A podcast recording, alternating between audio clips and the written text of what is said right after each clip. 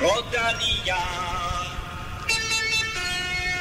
Rodanilla.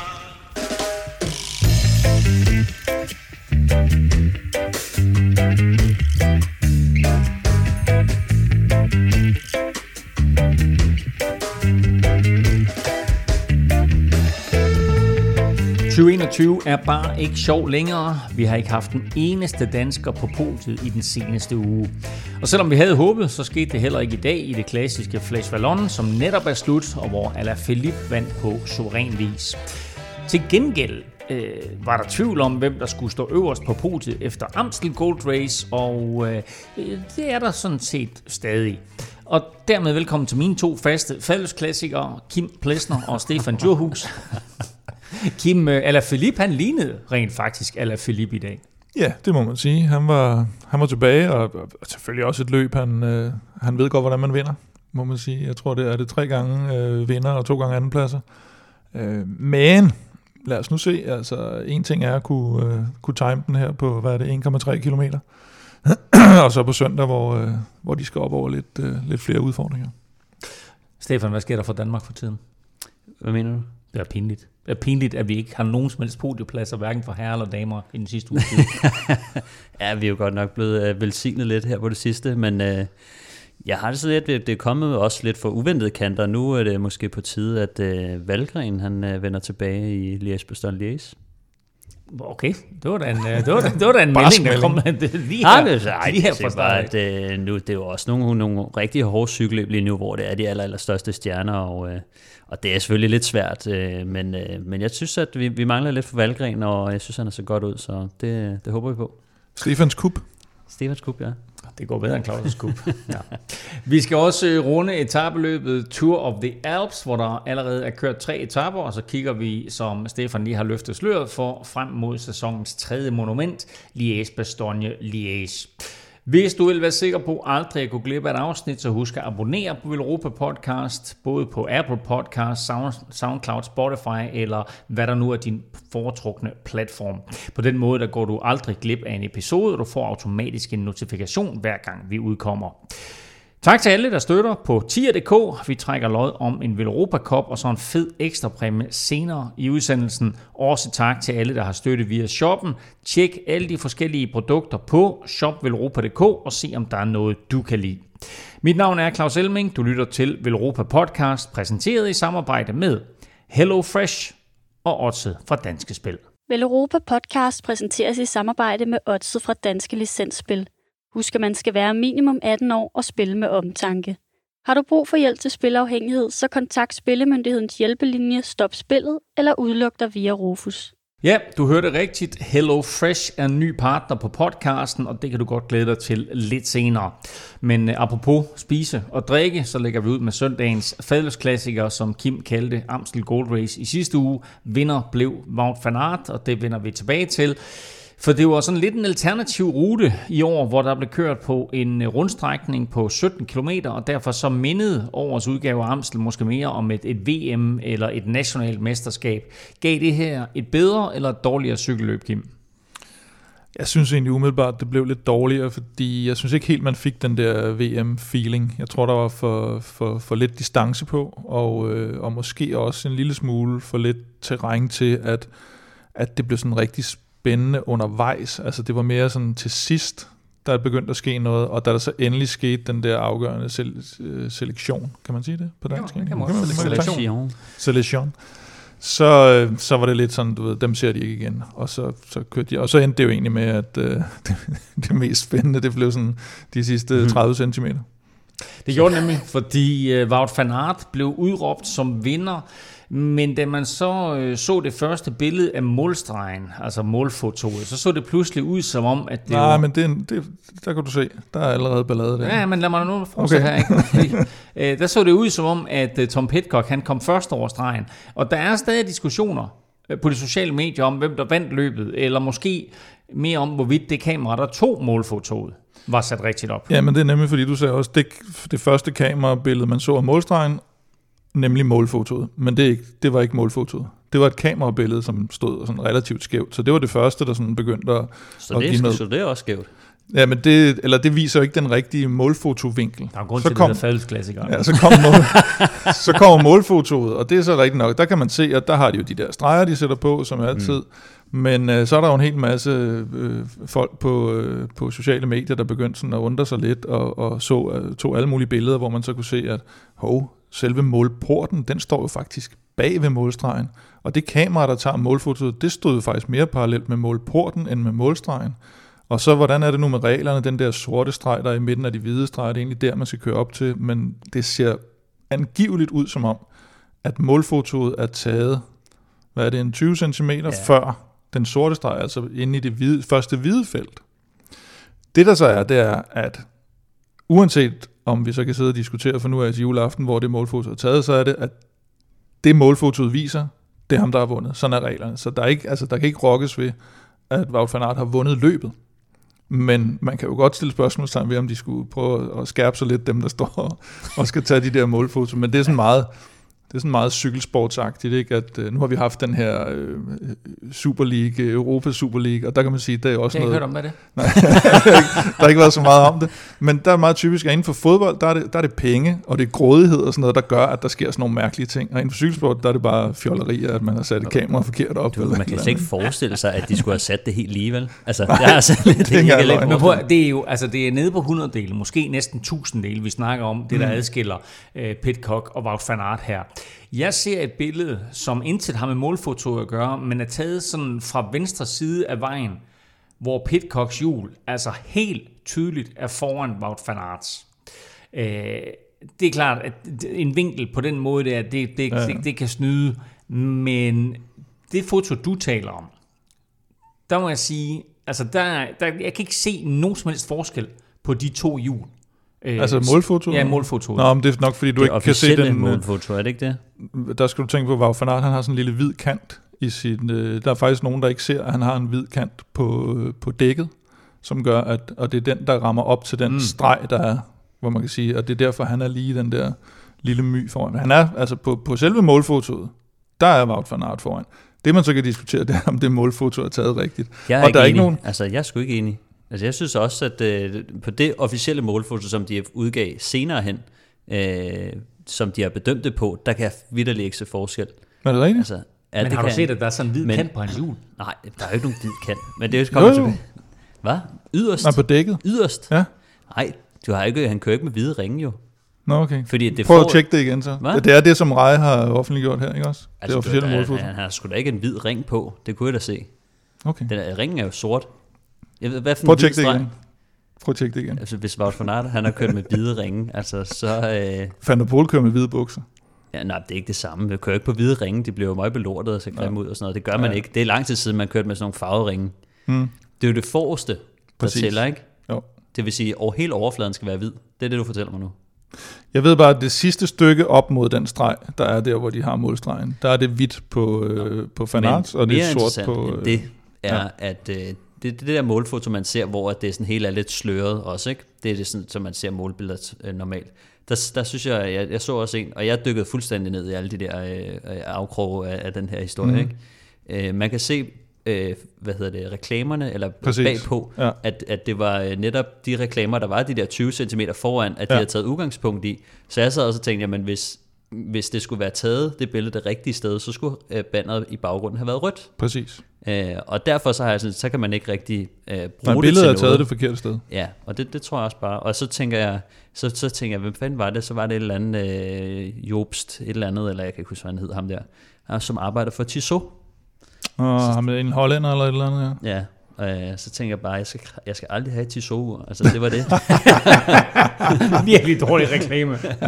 Den får vi ikke som sponsor, så den, kan vi den, forstå. den kommer ikke til at gå helt lige, Nej. vel? Det, Ej, men det var noget, og det var rigtigt med den der, man kan se målfotoet, at, at øh, de strækker jo ligesom den der bandereklame ud, eller hvad skal man Ja, sige, ja. bagved der, hvor den tager fotoet, fordi den ligesom skal tage af de forskellige rytter.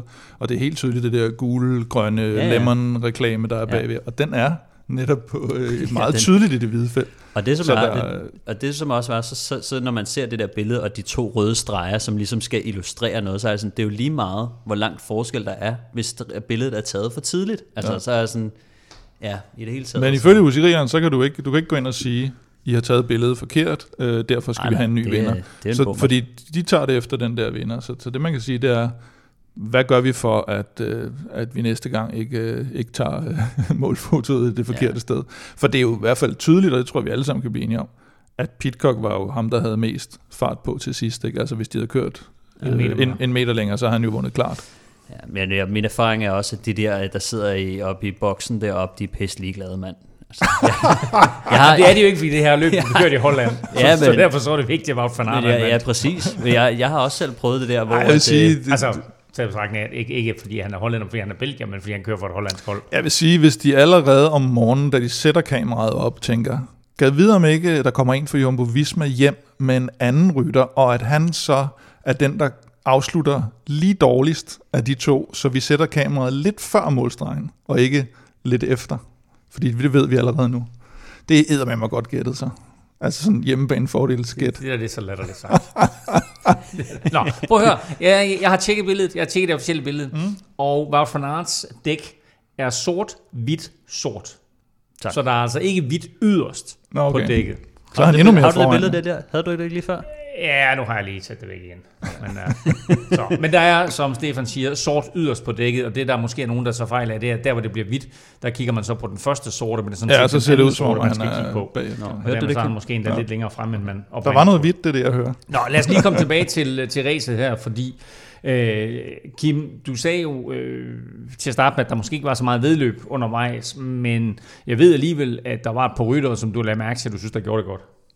Ja, jeg synes jo faktisk, at netop fordi der ikke var det, så meget øh, rigtig vedløb, så, så var det egentlig de her sådan, enkeltmandspræstationer undervejs, der var sådan lidt opsigtsvækkende, men øh, man kunne sidde og juble lidt over, og der var jo øh, vores kære ven øh, Mauri øh, van Sevenand, som jo, hvad var det, punkterer, kommer op, styrter, ryger bagud, kommer op igen, og, og, og, og kører sig så sådan helt frem og ligger med den der tonserstil, der er en eller anden øh, klon mellem øh, Chris Anker og Ardu og Mollema eller et eller andet i sådan ja. en øh, øh, mærkelig type. Og det, den der fighter-indstilling der, det, det, kan man godt, øh, det kan man godt klappe lidt af. Og så, øh, og så ham her hollænderen øh, Idi Schelling, som man har lagt lidt mærke til her i foråret. Jeg troede egentlig, han var sprinter først, han kom frem, men nu kan jeg godt se, at han er, han er jævnt mere holdbar. øhm, og, øh, og han var også ude på sådan et, et togt, hvor han egentlig, hvor han egentlig holdt ret længe og, og kæmpede rigtig godt. Og så, så jeg synes egentlig, det var mere var sådan nogle, hvad skal man Der er også lidt sige? øh, Heinrich Hausler-stemning Ja. ja. over ham. Noget med bare at køre, ja. og så, så se, hvad der sker. Ja. men noget sportsligt fik de ikke ud af det. Stefan, vi havde jo egentlig, øh, eller du må jeg hellere sige, havde øh, lanceret Julian Alaphilippe som, øh, som vinderbud, mm. men øh, det så ikke ud som om, han lige havde ramt topformen der i søndags. Nej, det havde han ikke. Han, han havde lige gemt, gemt det på dage på det, tror jeg. Det kan man roligt sige. lige uh, flash, men jeg synes generelt, så altså, han har ikke, i år faktisk, har han ikke set ud som om, han har været i hopla, som han har været nogle af de andre år, og jeg har også set blandt andet øh, franske medier, L'Equipe og, og andre, der, der skriver, at de spekulerer lidt på, om han, han sådan har niveauet i år. Øh, og øh, jeg har egentlig lidt troet, at altså, nu har man været vant til at se ham i Tour de France, i øh, Flash, øh, Flash Vallon og en masse andre steder, hvor han har gjort det helt fænomenalt, og man kan slet ikke forestille sig et, et hektisk cykelløb, hvor Alaphilippe ikke er med. Så jeg havde egentlig regnet med, at han ville være der, men, men man kan godt se, at han har ikke lige den der styrke eller udholdenhed, som han plejer. Øh, så det tror jeg lige, han mangler at få bygget på. Så tager han den godt nok her i, i Flash, men, men øh, som... Øh, altså det, det er noget, noget anderledes det der med, um, han kan jo godt køre den her hjem sådan på det der semi-anaerobe niveau, hvor at sådan, han skal have et godt punch i sig, men, men øh, hvis de skal ligge og, rykke på skift over øh, en masse forskellige øh, hvad hedder det, stigninger, hvor der er tryk på hele dagen, så, så kræver det bare noget andet. Øh, så jeg, jeg, jeg glæder mig til at se, om Elias Baston Liège, om han sådan set stadig bøvler mm. lidt med niveauet, eller om han faktisk bare lige har fået øh, tingene til at passe ind øh, nu. Det er øh, i hvert fald spændende på, på søndag. Vi øh, taler lidt mere om Flash og også om Liège øh, senere i udsendelsen. Øh, også for danskerne, der blev det sådan lidt en, en gennemsnitlig affære. Godt nok så viste både Valgren og Fuglsang sig frem, øh, og Fuglsang har der med i et, et par af de der afgørende hug øh, i præfinalen. Men da toget det så kørte, der var Fuglsang, ligesom Alaphilippe, øh, ikke stærk nok. Nej, jeg synes, de, de, de kørte jo fint, fint, eller fint nok, som man vil kan sige, når det ikke er sådan helt, helt super begge to. Og, øh, og sad, sad med, og, og Valgren bliver 13, og i hans, hvad skal man sige, genopbygningsfase er det, er det jo sådan set et, et godt skridt på vejen. Øh, men, men det er klart, at det, det specielt Fuglsang havde nok øh, regnet med noget mere, og, og til sidst så ender det jo med, at de, de faktisk kører for Adam Budu, som også i dag i Flash Vallon, faktisk, det kan vi jo vende tilbage til, ender foran Jakob Fuglsang. Det får du lov til at komme tilbage til senere. Yes. Øh, Jumbo Visma øh, vandt løbet, øh, men de må vel også have fået sig sådan lidt en slem forskrækkelse, da, da Primus Roglic han pludselig stod der i vejkanten med en defekt, netop som afgørelsen var ved at finde sted. Han var altså nede og ligge.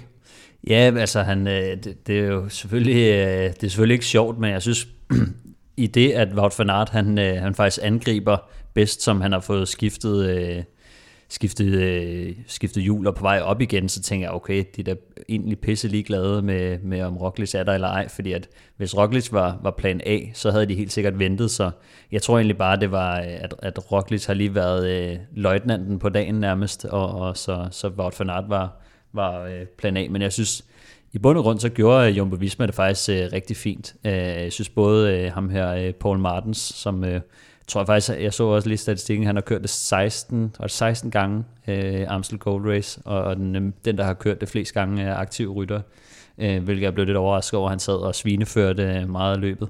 Øhm, og så havde de også øh, Sam Omen og Robert Resink og, og Jonas Vingård, som jeg synes, der sad rimelig fint med, og specielt Vingård var god til at, at være sådan lidt med i det der ryg, der kom, øh, for ligesom at, at lukke det lidt ned, eller være en trussel øh, for dem, der, der gerne vil prøve det af. Så øh, jeg synes endelig, at Wout van Aert fik en lille smule af den der hjælp, han har, han har manglet i nogle af de store klassikere. Og hjælpen var altså nok til, at øh, han vandt øh, Wout van Aert. Der kan man se forskellen, når han ikke skal gøre det hele selv.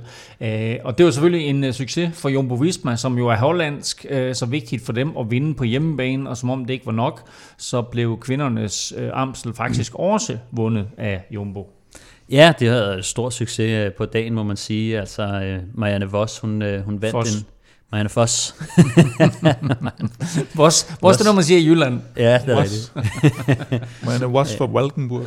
Ja, altså hun, øh, hun vandt jo spurten øh, overlegent, men øh, hun blev faktisk sat af de her øh, Kasia Nivedoma og øh, Elisa Longo Borghini på, øh, på Kavberg der, hvor hun øh, bøvlede lidt med den og, og få lukket hullet, men øh, heldigvis så, øh, så kunne de ikke rigtig få øh, samarbejdet til at køre rundt, øh, fordi Longo Borghini ikke havde kræfter til at tage en føring. Så, Men, men prøv at høre, for det er lidt sjovt, De det der. og råbte De, hinanden. ja, de, de, Eller- sidder, de sidder to kvinder derude foran. Det er, det er Nive Doma, og, og, og det er Longo Borghini. Og de har tid nok til, at de kan holde den der hjem og bare skal afgøre den mellem sig. Ja. Men der ser man lige nøjagtigt, hvad der sker, når man ikke kan blive enige om samarbejde, for så bliver de hentet bagfra. ja, og man skal også tænke på, at de begge to er presset til max, så bare de der små irritationsmomenter giver en kæmpe reaktion, ikke? Altså man ved, øh, man, Altså man skal forestille sig, hvis du er allermest øh, irriteret på et eller andet, og der så sker noget nyt, så bliver man jo fuldstændig revet ud af den. Så, så øh, jeg tror bare, at Nivedoma, hun sidder der og er mega presset og vil gerne have, at Longo Borghini tager en føring,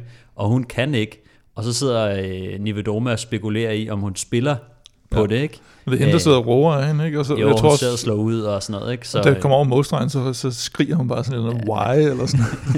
Men de havde tydeligvis ikke set øh, den seneste udgave fra herrene i hvert fald, fordi der laver Ala Philippe og Fuglsang jo præcis det samme. Det er det ja, rigtigt. det, Og så, det, og øh, det er bare en Kom klassiker. der en anden hollænder og overhældede dem bagfra. Det er en klassiker, Og fordi det man har, også her. Man har prøvet det så mange gange, hvor, hvor der sidder en og spiller lidt halvkold, og så, øh, så kommer han bare flyvende lige pludselig bedst, som du har taget en, øh, en lang og hård føring, så, øh, så kører han bare forbi dig. Ikke? Så, så det er derfor, at cykelrytter har den der, de har alle sammen prøvet det der, hvor at man, man bliver overrasket af nogen, der, der har taget røven på dig og spillet lidt på det, øh, så der er bare fuldstændig lukket ned for det. I hvert fald, når man kommer op på det professionelle øh, topniveau, så, øh, så har de alle sammen prøvet det der en milliard gange. Øh, så, ja. Og, og da de bliver hentet, og der så kommer den her lille gruppe til mål, der er der ikke nogen tvivl om, at det er Marianne Voss. som er den hurtigste. Så øh, hun vinder spurten der, og vinder også Amstel Gold Race. Cecilie Utrup Ludvig, hun sad med øh, frontgruppen hjem, men øh, var altså tømt for kræfter og blev øh, nummer syv øh, i spurten. Hos øh, herrene, der øh, var det altså Wout van Aert, der blev udråbt som vinder, øh, og det var foran Tom Pitcock, og så med øh, Max Schachmann på tredjepladsen. Valgren blev bedste dansker som nummer 13. Inden vi skal tale mere aktuel cykling, så skal vi lige have skudt quizzen i gang, og skal som sædvanligt lidt tilbage i historien. Det står 11-11 i quizzen, og det er faktisk sådan i dag, at I har to valgmuligheder. Det er denne ugen, og I bestemmer, om I vil have et spørgsmål til Flash, eller I vil have et spørgsmål til Liège. Okay, Og det vender vi så, det har vi så hele udsendelsen til at blive sluttet for. Ah nej, jeg skal beslutte det nu, og så får jeg spørgsmål. Okay. Er de begge to lige gamle? Oh, og jeg skal jo huske at sige, at... Nej, nej, Elias er meget ældre. Øhm, Nå, men jeg, jeg, mener, er det... altså, Spørgsmålet, nej, jeg vil sige... Øh, 32 og ja, 1892. sådan- anyway, øh, der er jo tre point at hente i begge quizzer. Mm. I begge quizzer? Ja. Så uanset hvad for en quiz I vælger, så er der altså tre point at kæmpe om. Mm. Okay. Jeg vil gerne have det, det, det som har det nyeste. Ja, det, det, kunne vi ikke have fået en quiz, sådan en ny og en, en, og en gammel quiz? Det havde været sjovt, men jeg synes, vi skal tage øh, Liège er lidt federe løb generelt, ja. ikke? Jo. Skal vi tage den? Vi tager lige Ja. Øh, det er så det ældste. Flash havde været lidt nyere. Men, men anyway, øh, spørgsmålet til, spørgsmålet til Liège går på følgende. Øh, det er jo den ældste af monumenterne, og, og i Ja. starten der, der blev den udelukkende vundet af Belgier. Der var lige en enkelt franskmand, der knep sig ind som sejr her, sådan omkring, jeg tror det var den fjerde udgave. Eller, Gæt ham. Øh, nej, dog ikke. Men lidt utroligt. På trods af, at der er kørt over 100 udgaver, så er der kun tre franskmænd ud over ham, som har vundet Liège. Hvem mm. er de tre? Og hvornår er de fra? 1945 op efter? Det er i hvert fald efter, øh, lad os sige det er efter Første Verdenskrig. Okay. Nå, det er ledetråd Plesner på, på banen igen. Fisker. Ja. Tre franskmænd, ja, okay. sådan efter, eller også godt give efter en verdenskrig, der har vundet øh, Liège Bastogne Liège. Hvor langt kan vi presse den? Efter murens fald også? Ej, Månelanding, månelanding. Er spørgsmålet forstået? Ja. Ja.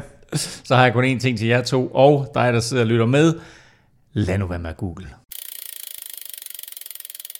Mens der er mest fokus på de to løb i Ardennerne i denne uge, så køres der et benhårdt femdages løb i Alperne, og Tour of the Alps har faktisk en hel del af de allerstørste outsider til årets Grand Tours til start.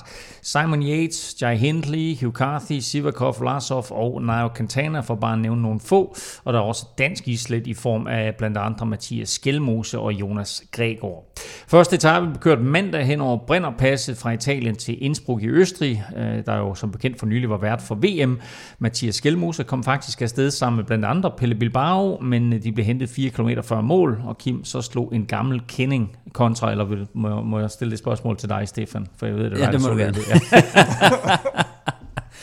Jo, altså øh, Gianni Moscon øh, kom jo med et, øh, et vildt og blodigt angreb der, bedst som øh, Skelmose var ude i den her firmandsgruppe, og vi kan jo godt lide Gianni Moscon, altså han er jo lidt underholdende, selvom han er et eller andet, øh, altså lidt en, øh, hvad, hvad er det, du plejer at Han kalde deler ham? vandene, skal vi sige det sådan? Cykelsportens bad boy. Ja, han har jo kendt for den her racisme-sag for, var det Kevin Reza dengang? Ja. Han havde siddet og råbt lidt af, og så slog han jo også uh, Elie Gisbert uh, i turen uh, 2018, hvor han så blev smidt ud, så lidt uh, kontroversiel uh, herre, som... Han blev også smidt ud af VM i Norge, ikke? For at have lavet et eller andet. Jo, der har i hvert fald Det været ikke masser... Og så har øh, han vist også lidt forkærlighed for et øh, pornocykelhold over i England, og, og har haft lidt, Nå, det lidt rigtigt, mange det øh, gang. pornoklip på sine øh, sociale elsker- jeg medier, som blev, blev pillet. Men han, var det ikke noget med, at han pillede sin Twitter ned, efter det Jo, blev men der lå også... øh, Ah, men han blev vist også bedt om at pille sin Ja. Twitter ned. Ja. Jeg tror, Det er faktisk lidt over- Ingen de sagde, nu får du lige et par måneders karantæne. Det er lidt overraskende, at han er blevet på Ineos, uh, trods alt det her, men uh, nå. Det er vildt nok, ja. Han er en underholdende cykelrytter. Det var noget af et angreb, han kom med der. Øh, og øh, fik jo et godt hul. Så kom ham der, øh, nordmanden øh, Ida øh, Andersen, øh, lige op til ham. Og så, øh, så havde øh, Gianni Moscon øh, erfaringen til lige at sætte sig ind på dæk og suge luft ind. Og så, så tog han ellers øh, den spurt. Øh, så de nåede akkurat lige at komme ind øh, foran feltet. Så en, øh, en flot sejr af ham. En flot sejr til Gianni Moscon, som jo altså stadigvæk er hos Ingers, på trods af øh, diverse ballade. Øh, det er Chris Froome til gengæld ikke.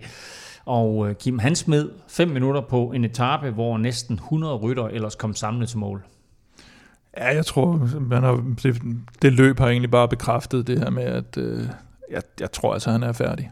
Det, hver gang de går ind til et nyt løb, så er det sådan, nu, nu skal han ligesom vise, at øh, han i hvert fald godt kan vise noget form og sidde lidt med og sådan noget. Så, så smider han, altså der er jo næsten ingen, der smed de der fem minutter, og jeg tror på, var det gårdsdagens etape, der, der altså de der, 14, Jamen de 14, der 15. israelere på, altså de der Guy New, og hvad de hedder, og alle de der, de ligger jo foran ham. Mm. Altså Omar Goldst- Goldstein, eller hvad fanden de hedder. altså de kommer før i mål end ham. Altså de sidder ikke engang nede ved Har ham. Israel en rytter, der hedder Goldstein? Ja, det mener jeg. Det er, Ja, det perfekt. jeg det, det er perfekt. Ja, det er det. Ja. det er Goldstein. Sådan, det, Ja, det er sådan Goldstein. en Stenstein. Ja. Mm. Øhm, ja, ja, det er sådan en Simpson-karakter nærmest, ikke? Og hvad hedder det? Jamen, jeg, jeg, jeg, jeg har bare svært ved at se ham, ham komme tilbage, og det sige, ligner at- mere og mere en, øh, en fejlinvestering fra, fra Israel. Ja, jeg vil også sige, at, at jeg sådan, øh, sidste år, synes jeg, den blev lidt undskyldt af det der med, at nu skulle han, nu skulle han lige tilbage oven på sin øh, skade mm. og alt det der, ikke? Og øh, presset løbskalender og alt det der. Og så i år, så var det sådan lidt, "Nå, nu skulle han tage til USA for lige at arbejde på nogle ting med en, med en speciel træner, som lige skulle få udbedret de sidste ting der og sådan noget. Så jeg havde tænkt, at hvis han ikke er klar fra start i år, i hvert fald de første par løb, så, øh, så begyndte jeg sgu også at tvivle lidt på det. Men jeg havde lidt, havde sgu lidt troet på det, men øh, det ser, det ser sgu men- Også at han bare sådan en gang imellem lige viser. Jeg ved godt, der var Ja, sidste år var der lige en enkelt opblomstring på en eller anden etape i, i et løb eller sådan noget, hvor man så tænkte, "Nå, okay, nu begynder han måske at vise noget. ikke?" Ja, hvor han viste kvaliteter som hjælperytter, altså, Ja, ja. hvor han lige tog en føring. Ja, Præcis, men det var så lidt, og det er også det, at, at, at man kan jo sagtens sige, men han behøver måske ikke at være i stor form nu, men du er nødt til bare en gang imellem at altså, så køre med i et udbrud eller sådan noget, hvis du har tabt en masse minutter, som alle andre gør, Ja. ja. de der store ryttere, Mm. hvis, de, hvis de først uh, tager tid. Men der er slet ingenting. Men det er sådan lidt den samme sang fra de varme lande øh, uge efter uge, at nu kommer det her løb, og der skal han køre sig i form, og nu er den ved at Og være han der. siger jo så videre. selv, at det, det, han synes, det går bedre og bedre og sådan noget. Ikke? Det ser sådan lidt en joke efterhånden nu, ja. hvor man har sagt, jamen, hvornår begynder det så at gå?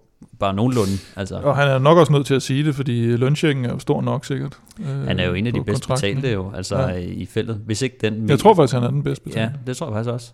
Den ligger jo til, øh, er det 5,5 millioner euro eller sådan noget i den dur i hvert fald, som er jo, er- altså, du kan få, øh, jeg tror Pogacar ligger lige under, ikke? Og så Ja. øh, efterfulgt af, hvad hedder de, Sagan og sikkert også Roglic og nogle af de der. Hvis man lige tog temperaturen lige nu, så ved jeg godt, hvem jeg helst vil betale de penge til på mit hold. Men øh, lad os se, øh, når vi rammer Tour de France, om, øh, om man hiver en kanin op af hatten. Om han er med overhovedet. Ja. Øh, anden etape blev kørt tirsdag. Den var kort, men kuperet med mål på toppen i Feichten, øh, der ligger tæt på skisportsmekkaet Iskel. Mechad. Mekkaet, og det var fordi det hed Feichten, så hed det også Mekka med skisportsmekkaet Iska. Iska. Iskel for pokker. Øh, og det hele, det endte med en sejr til Simon Yates. Ja, det var ellers øh, Akira Samsik, der i den grad tog, tog teten der, da de, da de skal ind på, på øh, sidste... Nej, det bliver faktisk næst sidste stigning, fordi den sidste var sådan op mod mål. Lidt mærkeligt. Den sidste kategoriserede ja, stigning i hvert fald. Ja. Øh, og, øh, og lancerede et, øh, et fint angreb, eller lancerede øh, Nairo Quintana. Øh, fint angreb, prøvede et par gange, men som vi har set det på nær lige hans øh, opblomstring sidste forår, så, øh, så er der ikke så meget bund i hans angreb mere. Og øh, i stedet for, så synes jeg egentlig, øh, Ineos kom frem med, med Sivakov og Danny Martinez og Sosa, og så havde lige pludselig et stort overtal i den gruppe, der så sådan lidt kørt kontra på, men, øh, men så, kom, så kom Simon Yates op og fik øh, tyndet lidt ud, og så prøvede Sivakov sådan at, at virkelig at hænge på, så langt han kunne, men øh, og så til sidst så knækker han og ryger egentlig tilbage igen, men, øh, men er så den stærkeste af forfølgerne og kommer op og, og ligger og laver et, en slags forfølgelsesløb med, med, med Yates på den, på den sidste stigning op mod mål, og øh, der holder Yates har været en, en 40 sekunder faktisk, tror jeg, han, han holder til ja. ham og, og slår et lille knockout i, i det løb, ikke? I den samlede. Det er i hvert fald en, en, en, en stor føring, han har øh, inden de sidste øh, to etaper. Tredje etape blev kørt i dag, 167 km med tre bjerge, og så er det enkelt bump. Øh, igen en eksplosiv en af slagsen. Rytterne de kom sådan lidt spredt til mål, og kunne hjælpe med, om Gianni Moscon han ikke vandt igen, og det var sådan en tomandsburt, hvor han kom ind sammen med Felix Groschartner. Ja, de var egentlig de var fire mand foran, ikke? men øh, Groschatten havde en holdkammerat med, der egentlig kørte lead-out for ham, og, og, og så til sidst, så var det de to, der, der, der skulle spurte om det, eller var de eneste reelle øh, kompetenter i den spur. Og det var, ja, det var lidt en udbrudsetappe, og så alligevel, så skete der jo det, at øh, Sivakov han styrtede på et tidspunkt, øh, men kommer tilbage til, til favoritterne. Og til sidst, øh, på den sidste nedkørsel, øh, der øh, mener jeg, der, der, der stikker øh, Pelle Bilbao så afsted, og han er jo sådan en en lille smule klassementsrytter, øh, i hvert fald, og var vel en små to minutter efter, tror jeg, inden i etappen, og, og får faktisk et, et hul, og, og ligger også tæt på at komme op sammen med Luis Leon Sanchez. Øh, resterne af, af dagens udbrud der øh, kommer op på en, jeg tror, de, ja, de når næsten at hente dem på målstregen, ikke? Øh, men øh, og han får hentet og, og ryger op i, i en, en lidt bedre placering i klassementet. Men altså, jeg, jeg synes, Bike Exchange har, har, har styr på det indtil videre, og Simon Yates virkede ekstremt stærk på den anden etape, så han må vel være, være favorit nu. Men altså, er, er Gianni Moscon nu her med, med, med to sejre på tre etaper? Er han sådan en, vi skal til at holde lidt øje med igen? Jamen, altså, i starten troede man jo lidt, det var, at han skulle være klassikerrytter, og øhm, så røg han bare ind i alt muligt lort, ikke? og havde ikke vundet i, hvad han ikke vundet siden 18 eller sådan noget, vel? Og øh, jeg tror på et tidspunkt for, ja det har nok været de der 3-4 år siden, havde jeg ham, hvis ikke jeg havde ham som nummer et på den mest talent, altså øh, ja. unge talenter eller sådan noget, det tror jeg, jeg havde ham i hvert fald top 5, men måske endda i virkeligheden som nummer et, fordi han var virkelig stærk, altså specielt i, i endagsløbene dengang også, ikke? Af, af så ung en alder. Og, øh, og så må man sige, så, så gik der karantæner og racisme og slåskamp i den. Og nu kommer han så tilbage som sådan en etape, øh, hvad, hvad, det er sådan noget sådan næsten valgrensagtig måde, han vinder på måske. En mellemting yeah. valgren og kort. Ja, altså jeg tror også, at nu har hans øh, forår ud over Tour of the Alps jo heller ikke været noget øh, prangende. Mm. Altså, men, men viser så nu her, at øh, han sagtens skal køre og har niveauet øh, endnu, og han er jo ikke gammel, altså han er 27 Nå, år gammel, ikke? så nu skal han køre øh, Giro d'Italia, hvor at øh, Ineos, de har øh, Egan Bernal som, øh, mm. som kaptajn, så og det, jeg forestiller mig også, at de bliver lidt låst hold, men jeg kunne virkelig godt se ham ligge og lave noget tungt arbejde, lidt som, som vi så nærmest uh, Rohan Dennis lave uh, sidste år. Ikke? Altså det der, ja. hvor at sådan... Og han kan godt lide, han prøvede også at sidde med der på, på ja. Simon Yates-etappen. Sad egentlig okay med halvvejs ja. cirka op af, af den Men er han en holdspiller? Ja, det tror, jeg, det tror jeg egentlig sagtens, han kan være. Og nu, det skal også, høre også med til historien, han kender jo det her område. Altså, han er jo fra uh, Trentino, som det hed jo det gamle Giro del Trentino, så har de flyttet det lidt op mod uh, Østrig for at få lidt flere uh, sponsorkroner ind og bakke op om, om løbet. Men uh, han kører jo træner i det her område, så han kendte jo også... Han er flyttet til der, Innsbruck i ja. 2018 jo, så han er jo på hjemmebane faktisk. Og den nedkørsel der på den første etape, han vinder, er jo også fuldstændig sindssygt. Det var Dan Martin også ude og kommentere på, på, på Twitter der. Der holdt jo, altså ikke nok med, der ja, holdt biler i den ene side, nogle gange så holdt de jo kraftet mig i begge sider. Sådan en smal bygade ned igennem ja. øh, med, med 60 i timen, eller hvor meget han har kørt der, ikke? Der tænker man også bare, hvad fanden sker der? Altså, hvordan kan du ikke få fjernet de... Altså, for det var ikke over ret lang distance, mm. de skulle køre det egentlig. Så man tænker, hvis de lige fra morgenstunden har sagt til de beboere der, prøv lige at, at få fjernet de Det er også det, der gør, at, at sådan en, altså hvis du kender øh, terrænet, så kan du jo flyve lige igennem øh, ubekymret, ja. fordi du ved præcis, hvad der sker. For mange af de andre ryttere, der sidder der og jagter, altså nu ser jeg bare Skelmose for eksempel, som jo så godt nok øh, mm. kom ned i feltet igen, altså han ville jo ikke turde at, at plukke den lige igennem øh, sådan en, øh, en, en øh, Nej, når først der. du opdager de der Fordi biler, de, der holder, ikke, så tænker man at de faktisk kender ruterne. Det er kun de erfarne, som hvis de kører den samme rute igen mm. og igen, øh, så begynder de at kende terrænet, eller hvis de har været der et par gange, eller træningslejre og sådan noget. Ikke? Men der er stadig rigtig mange løb og mange veje, som er ukendt for rytterne, så det synes jeg, man tænker ikke altid over det, når, når man ser, ser dem flyve ned af, af de der vilde nedkørsler, at, at der er faktisk mange af rytterne, som ikke rigtig kender øh, området, og alligevel så kører de frygtløst øh, rundt i, i svingene. Ja. Ikke? Det, er sgu, det er sgu vildt nok. En, der var god til at køre op af, det er Simon Yates, og derfor så fører han altså Tour of the Alps. Øh, løbet det slutter på fredag. Yates han fører foran Pavel Sivakov har omkring øh, et lille minut til ham, og så øh, kom øh, Pelle Bilbao øh, ind på, øh, eller han kom op på løbet samlet tredjeplads i dag, fordi han faktisk var med en lille frontgruppe, som lå foran øh, de andre favoritter. Øh, men ellers så ligger der altså sådan øh, omkring 15 rytter inden for to minutter, så det er ikke helt slut endnu. Der kan godt ske lidt inde på de sidste øh, to etaper. Øh, Mathias Skelmose er bedste dansker på en samlet 29. plads. Nu er vi glade for at kunne byde velkommen til en ny partner. Vi har glædet os til at kunne præsentere Hello Fresh, som vi føler passer perfekt sammen med Velropa Podcast og til alle jer cykelryttere derude. Det er måltidskasser med sund og varieret kost, masser af muligheder, og du kan prøve fire uger nu med en rabat på 550 kroner. Gå ind på hellofresh.dk og brug koden VELOROPA. Stefan, du ved jo om nogen, hvor meget øh, eller hvor vigtig kosten er for en cykelrytter. Ja, det ved jeg. Det er jo, altså, kan man sige, både for, for, for den seriøse og den øh, lidt mindre seriøse. Men jeg synes, det som øh, grunden til, at jeg synes, det, det er et fedt koncept, det er, at øh, hver gang øh, man har været ude at træne eller et eller andet, og man kommer hjem og er pisse sulten, så skal man jo ned og handle. Og øh, det er jo der kampen den er, altså om man skal være sund eller ikke. Og jeg synes, jeg har altid været nede og handle, når jeg var mega sulten, og så, så taber man, altså fordi så, så ryger der skulle lige et eller andet med ned, som ikke skulle have været der. Og så, øh, så ender det sgu med, at man ikke, øh, man ikke holder den helt sunde øh, stil. Så jeg synes sgu, det er, det er fedt at kunne få leveret øh, mad øh, lige til døren, så skal man ikke øh, tænke på at, at gå ned og handle aftensmad, så er det bare at, at lave det. Og øh, nu har vi jo prøvet det et par gange, og jeg synes, det er, jeg synes, det er rigtig lækkert. Og vi skal have græsk kylling i aften, kan jeg fortælle Nå. jer. Fordi jeg har taget øh, en omgang Hello Fresh med til jer. Ja, tak. Øh, og Kim, vi laver det i dit køkken. Mm-hmm. Og det vil sige, det er en af de få gange, hvor der rent faktisk bliver lavet mad.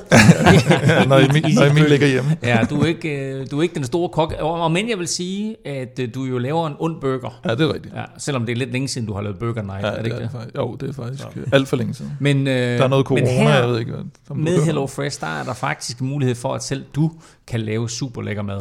Ja, det håber jeg. Jeg øh, starter ud her øh, på mandag med, med mine første leveringer, og det glæder jeg mig meget til. Og, øh, og man kan jo gå ind og vælge inde på det her, og, og 12 forskellige opskrifter, jeg skal give dig, skal jeg, og, og kan vælge ud, hvad for nogle af de der anbefalede øh, opskrifter, de har. Og jeg har, kan i hvert fald huske, at jeg har valgt øh, kyllingebøger.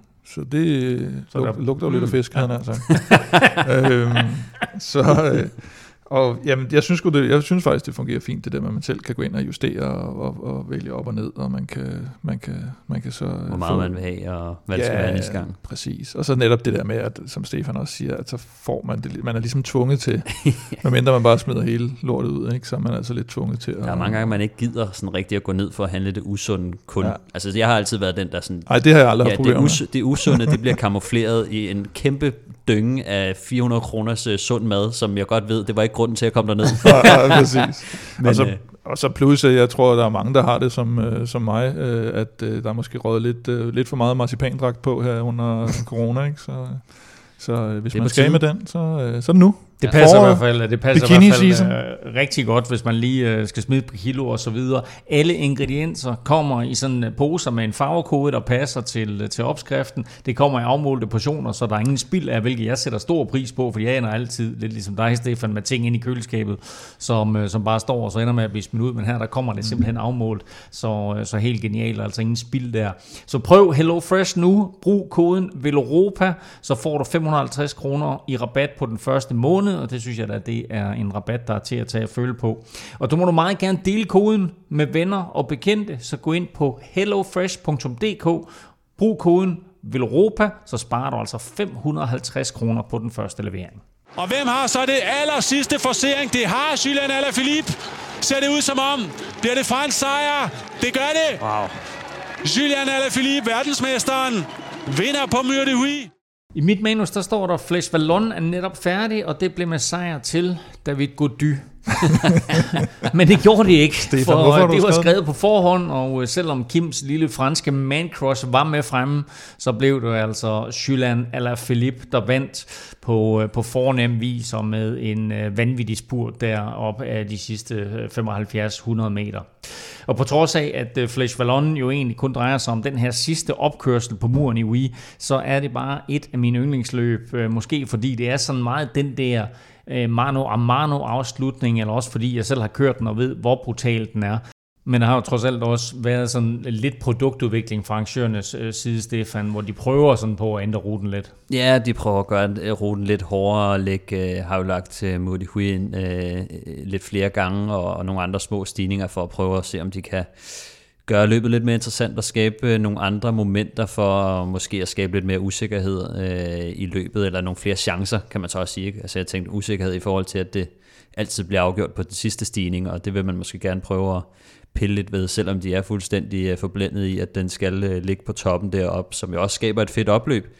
Det gør så også bare, at du ikke behøver at se mere end de sidste 5 minutter af løbet, som oftest. Ikke? Altså nu ved jeg, nu var prøvet, øh, var det Tim Vellens øh, og, øh, hvad hedder han, øh, Carapaz prøvede måske lige at, at køre op til ham, men, men altså, det, det er kun et par lykkerider, der prøver lidt, og ellers så ved alle godt, øh, hvad der skal ske. Ikke? Det er den belgiske udgave af Milano Sanremo. Ja, men hvis det, altså, nu talte jeg jo også lidt om, øh, at jeg ikke synes, Amsel var, havde, havde nok terræn og udfordringer og distance, ikke? og her der er, det jo, der er det jo bare endnu mere tydeligt, øh, også fordi, at, at alle bare sidder og venter på det. Ikke? Så det, det bliver det der med, at det er altså bare federe, men når man ser i for eksempel Flandern rundt mm. og sådan noget, at, at du får vedløbet tidligere, altså noget, der virkelig gælder noget, og ikke bare sådan lidt, du ved, tv-udbrud eller...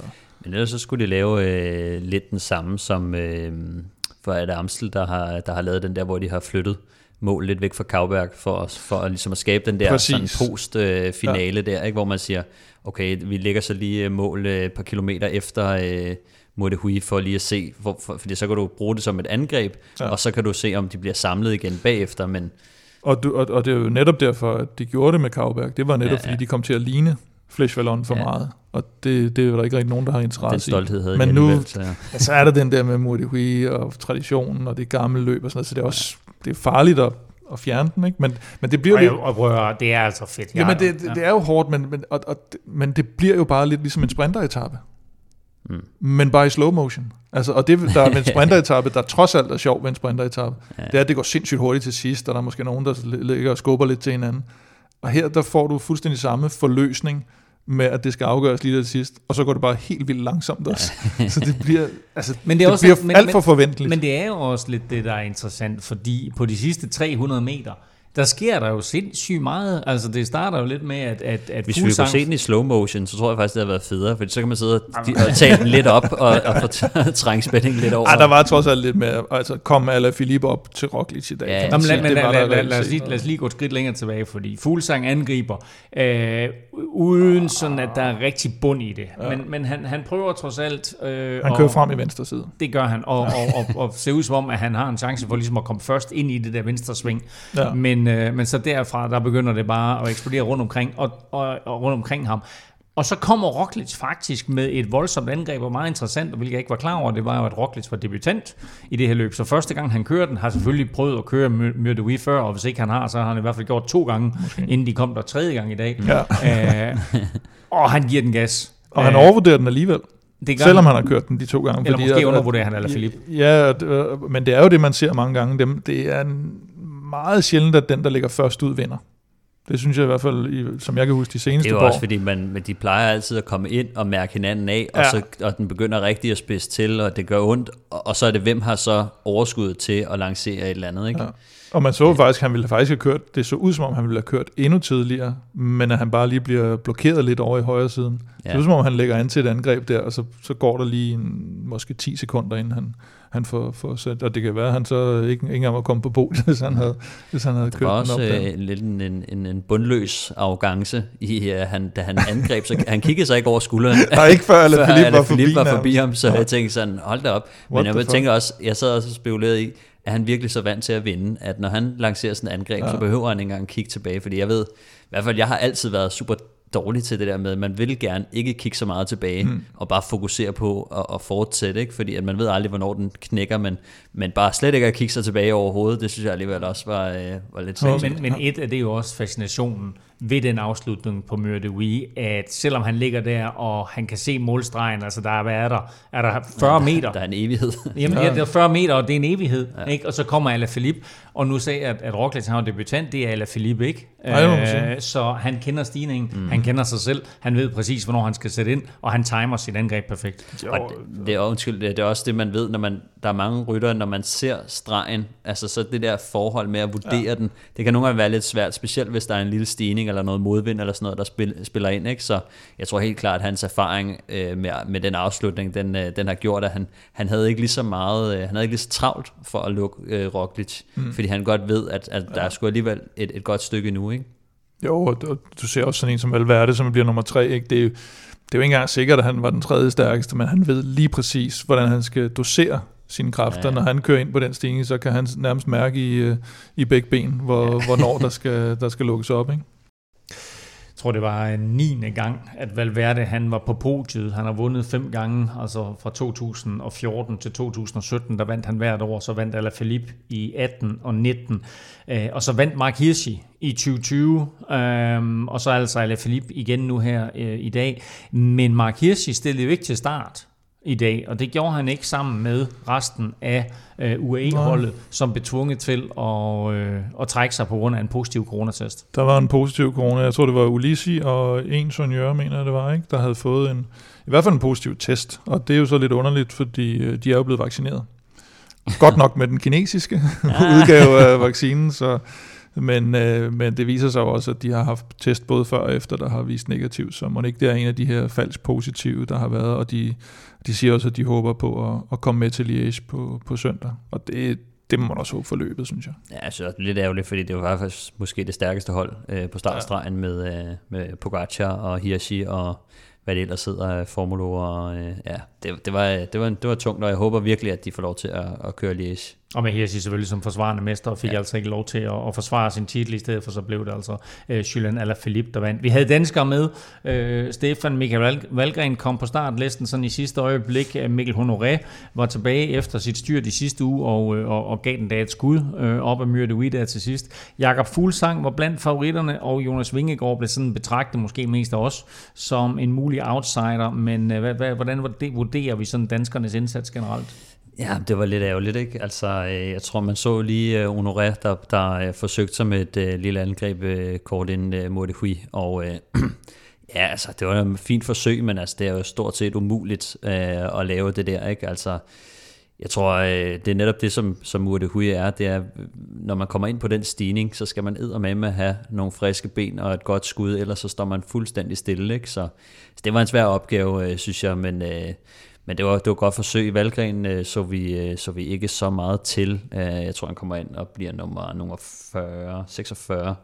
Øhm, så måske heller ikke lige en stigning for ham. det, er, det er de der lidt mere lidt flere og, og, og kan man sige rullende stigninger, øh, måske også lidt, lidt, lidt længere i virkeligheden, men med de der helt skarpe, stejle stigninger, det, det passer ham ikke øh, perfekt. Og øh, jeg tror også med Fuglsang, altså øh, han, han er der bare ikke helt øh, lige nu, øh, men, øh, men altså han, han er ikke helt off, han er bare ikke helt på det der niveau, som, øh, som øh, vi kender ham for, for et par år siden.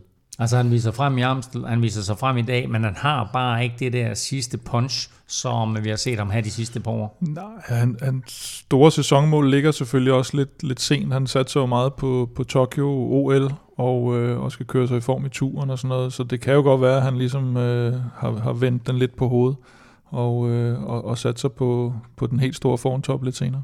Der er i hvert fald masser af tid lige at få justeret ind, og, og, og når man ser, det er jo ikke fordi, han er helt ude som en uh, Chris Froome og, og, og rode rundt ude i tårne på den måde. Men øh, så, så der er der helt sikkert en, en, en, en fin bund for ham, men, øh, men det der ekstra for at, for at træde op på, på skamlen, det, det, det venter vi lige på endnu. Også kvinderne skulle prøve kræfter med øh, den legendariske stigning. Her stillede Cecilie Utrup Ludvig op som eneste dansker, men til gengæld som en af favoritterne på den stejle afslutning. Og hvad siger vi, Stefan? Fik vi så en dansk podieplacering? Det gjorde vi desværre ikke. Uh, Cecilie hun blev uh, nummer 8. Uh, det var Anna van der Breggen, der vandt foran uh, den også formstærke uh, Kasia Nivedoma. Og uh, med hendes øh, bedste veninde øh, Elisa Longoborghini på tredjepladsen. det, er, det, det er lidt lige meget, om det går hen eller det går opad. Så, men hun har da ikke vundet så meget, øh, Van der Nej, men man må, man må sige, med den sejr her, så er hun tilbage. Så, øh, nå, men altså i år har hun Nå, faktisk... men i Flash, tænker jeg. Ja, nå, jeg nej. Tror, ja. Jeg tror faktisk, det er Longoborghini, der har deres øh, føretrøje der. I, øh, de har jo sådan en... Men hun har øh, vundet Flash syv år i træk nu, ikke? Det var syvende år i træk nu, at Anna van der Breggen, hun vandt. Så hun kender i hvert fald den stigning der. Det kan ja. godt være, at Valverde, han ved, hvordan man timer sig i den greb. Men øh, Anna van der Breggen, hun har fuldstændig styr på, øh, på Flash Vallon. Øh, de sidste 200 meter, øh, der var det sådan lidt den der kamp, du beskriver, Stefan, mellem, mellem hende og så Nive Doma. Øh, og Nive Doma troede også lige, at hun skulle vinde, men øh, så satte Van der Breggen altså lige det sidste angreb ind, og så kunne den hollandske verdensmester eller strække armen i vejret for, for syvende år i træk. Hun vinder øh, foran Niva Doma og så med Elisa Borghini øh, på tredjepladsen, og som du sagde, Stefan, så var det altså med Cecilie Utrup Ludvig på en øh, 8. plads. Øh, hun blev ellers nummer to sidste år. Vi har øvrigt haft to danskere på podiet her de sidste to år. Annika Langvad blev treer i øh, 19, mm. og så Cecilie toer øh, sidste år, men i år der måtte hun altså nøjes med 8. pladsen. Mens det ikke sådan går alt for stærkt, når man kører op af Myrde Wii, så er der stadig fart over feltet på tier.dk. Fem nye støtter er der kommet til siden sidst. Tusind tak til jer alle. Velkommen til, og tak også til jer, der har støttet længe. Det er ret simpelt. Uden jer, ingen vil Europa podcast.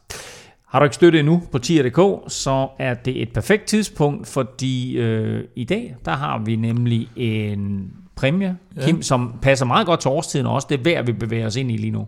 Ja, eller som vi bevæger os lidt ud af en af, kan man sige. Men vi har den, det er sidste gang her, vi har øh, vores øh, UFO Drip fra Ceramic Speed, øh, kædecoating, og, øh, og den øh, sammen med en kop, det er noget af en præmie. Ikke? UFO Drip mm. alene, 500 kroner. Koppens værdi, 5.000 vil jeg sige. Affektion, måske. affek, kæmpe, ja. kæmpe affektionsværdi. 5 Men 10.000 altså, måske. øh, det her super, super lækre UFO Drip Coating øh, kan altså øh, blive dit i dag. Vi finder en vinder øh, lige om lidt. Husk, at beløbet det er valgfrit, og du donerer altså først, når vi udgiver en ny podcast. Og når du så donerer, så deltager du altså automatisk i lodtrækningen om hver uge vores øh, Velropa Cup, og så løbende også andre fede præmier. Du finder link til at støtte både på velropa.dk og på tier.dk. Og Stefan, det er jo dig, der står for lodtrækningen. Nu skal vi fundet dagens vinder.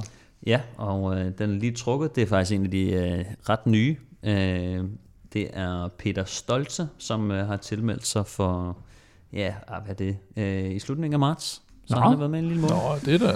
Sådan der. Jamen, øh, velkommen til, Peter. Super fedt, at du bakker op om podcasten, og nu er altså også øh, velkommen i klubben, øh, kan man sige, sådan for alvor, fordi nu kan du sidde derhjemme og drikke af din nye Velropa podcast kop. Øh, ja, du skal holde dig fra at drikke det der UFO Drip Coating der. det, det, det, går sgu ikke. Men, øh, Det glider du, ellers godt ned. ja, fordi, ja, fordi det er jo voks, ikke? Det er jo voks, ja. Så, nå, men prøv at høre, Peter, øh, super fedt, øh, at øh, du støtter Velropa Podcast. Tusind tak til dig, og tusind tak til alle jer andre. Husk, at vi jo for vores lodtrækninger gør det på den måde, at for hver fem du donerer, der får du et lod i puljen, så jo større beløb, jo flere lodder, og dermed altså større chance for at vinde. Og som Peter jo har demonstreret tydeligt her, så behøver man altså ikke at have været med længe for at vinde. Så ind og støt nu. Mange tak for støtten til alle, og tillykke til Peter. Vi skal lige smutte omkring de største nyheder i cyklingens verden, og vi lægger ud, Kim, med lidt ballade eller uro omkring Søren Krav Andersen, fordi ifølge den belgiske avis Het Newsblad, så er der flere rytter, der vil væk fra Team DSM. Øh, og vi ved jo, Mark Hirschi forlod mm. dem sådan lidt abrupt i, i vinterpausen, og øh, Super Søren skulle altså også være kørt sådan lidt sur i det. Ja, det er en historie fra i, øh, fra i weekenden, der, hvor øh, Het Newsblad, den store belgiske avis der, øh, lancerer en historie om, at Søren Krav under Paris-Nice, hvor han mener, han blev nummer 5 på enkeltstarten, øh, brokkede sig over noget med, at han ikke har fået lov at indstille sin nye øh, Scott-cykel som sin gamle Cervelo-cykel, og derfor så blev han utilfreds, og så stillede han ikke til start dagen efter, officielt på grund af rygproblemer. Det kan selvfølgelig være, fordi han ikke har indstillet cyklen. Men her øh, øh, melder den her historie i hvert fald, at det så har været, fordi han har haft et, et udfald med, med holdets Jeg ledelse. synes, at han sagde, da vi snakkede med ham sidst, at da han lige havde været ude at køre på sin enkeltstartcykel, at han umiddelbart synes, den var ret fin. Ja, Men det umiddelbart. gjorde, det gjorde han også. Altså, vores, vi, lavede, vi lavede en feature ja. der øh, med, med, med Søren Krav mm. og så videre, hvor han, hvor han også roste sin, sin Ja, ja, det det. skotcykel der. Så det er meget mærkeligt. Men altså, hvis, hvis, hvis der er nogle mekanikere eller et eller andet fra holdet, som, men som altså- synes, at de skal stille på ind på cyklen, altså på en anden måde end han... Det- sådan hvad- Christian jamen, Gummisko, Jamen, øh, jamen, hvad, lige- jamen, hvad går det ud på? Altså, hvor, Nej, hvorfor, men du får han ikke lov til at stille den ind, som han selv vil? Ja, men det, altså, vi Det gør ved, vi ved ikke, hvad der, hvad, der, hvad der ligger i den her historie. Det skal vi også huske på. Altså, et newsblad, de har rygter om øh, alle mulige ting i løbet af sæsonen. Og det her kan der være noget hold i, eller det kan være en eller anden, der lige har fortalt en eller anden noget. Men hvis man skal tænke i det, så kan man sige, øh, selvfølgelig ændrer ting sig i løbet af sæsonen. Øhm, og og der, der kan selvfølgelig være et eller andet med, at, øh, at han så er blevet utilfreds med noget. Så siger du det der med, jamen hvorfor skal holdet bestemme noget? Det var jo netop det, der kom frem i forbindelse med, at Hirschi forlod holdet, og Michael Matthews også fortalte noget om holdet og sagde, de går ind og bestemmer for meget. Altså der, der er simpelthen for meget, som ledelsen skal bestemme i forhold til den enkelte rytter. Det har været et kritikpunkt på DSM. Så, så, så hvis vi er ved- ude i sådan noget, så kan, det være, så kan det være det, Søren er blevet øh, sur over, hvis han er blevet sur over det. For man kan sige, at surheden varede ikke så længe, fordi det løb, han kører efter Paris-Nice, det er Milano Sanremo, der var han i hvert fald blevet glad for at køre på cykel igen, kan man sige, omkring, lige omkring Via Roma, hvor han kører op til Jasper Støjven og, øh, og, og tæt på at køre med om sejren om, øh, i Milano Sanremo. Så, øh, så mere sur var han i hvert fald ikke blevet over det, hvis det var Men det derfor, var han ikke var på en enkelt startcykel.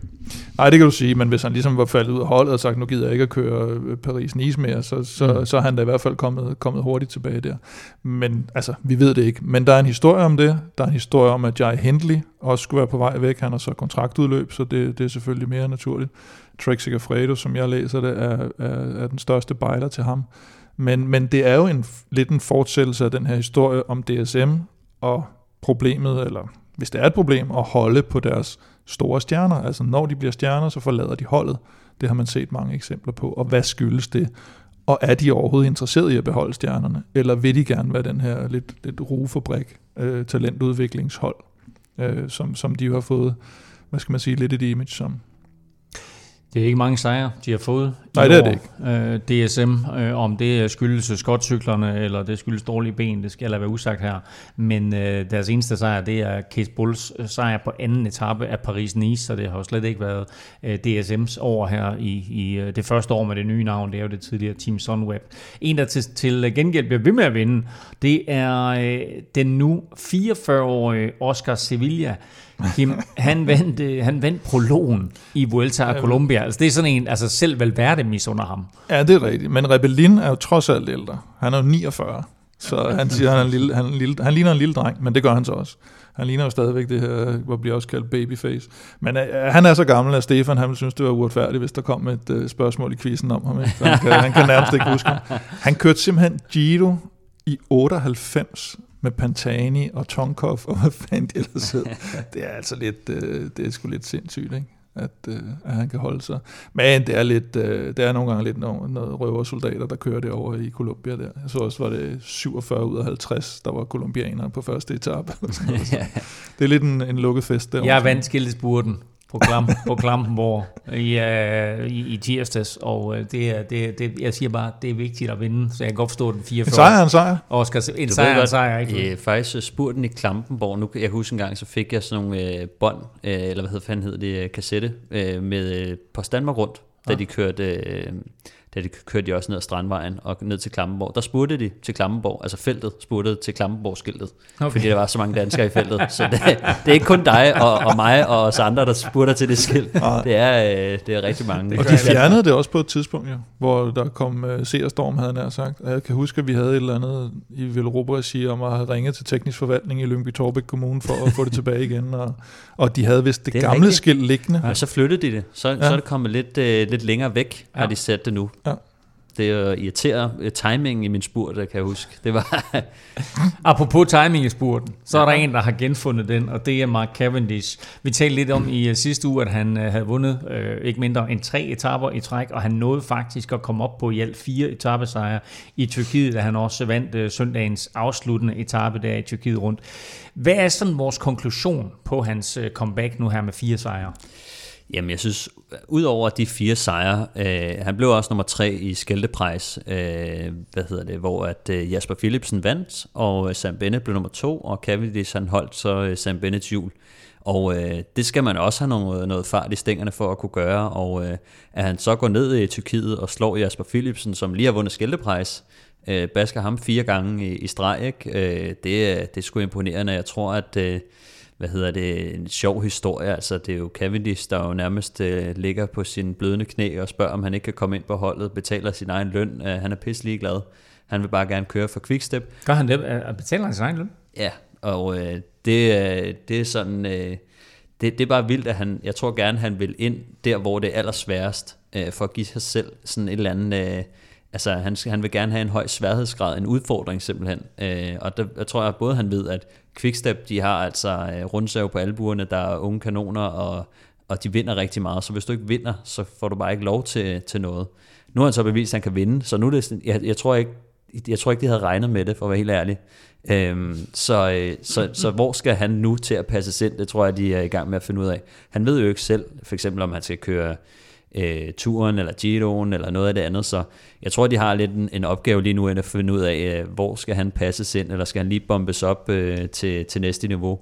Jeg sidder og så tænker, det kan godt være, at turen øh, er svær, øh, men Giroen øh, kunne godt være, nu ved jeg, at de har jo øh, det, det unge hold med der, og øh, ham her øh, Alvaro Hodge med til, til spurteren der.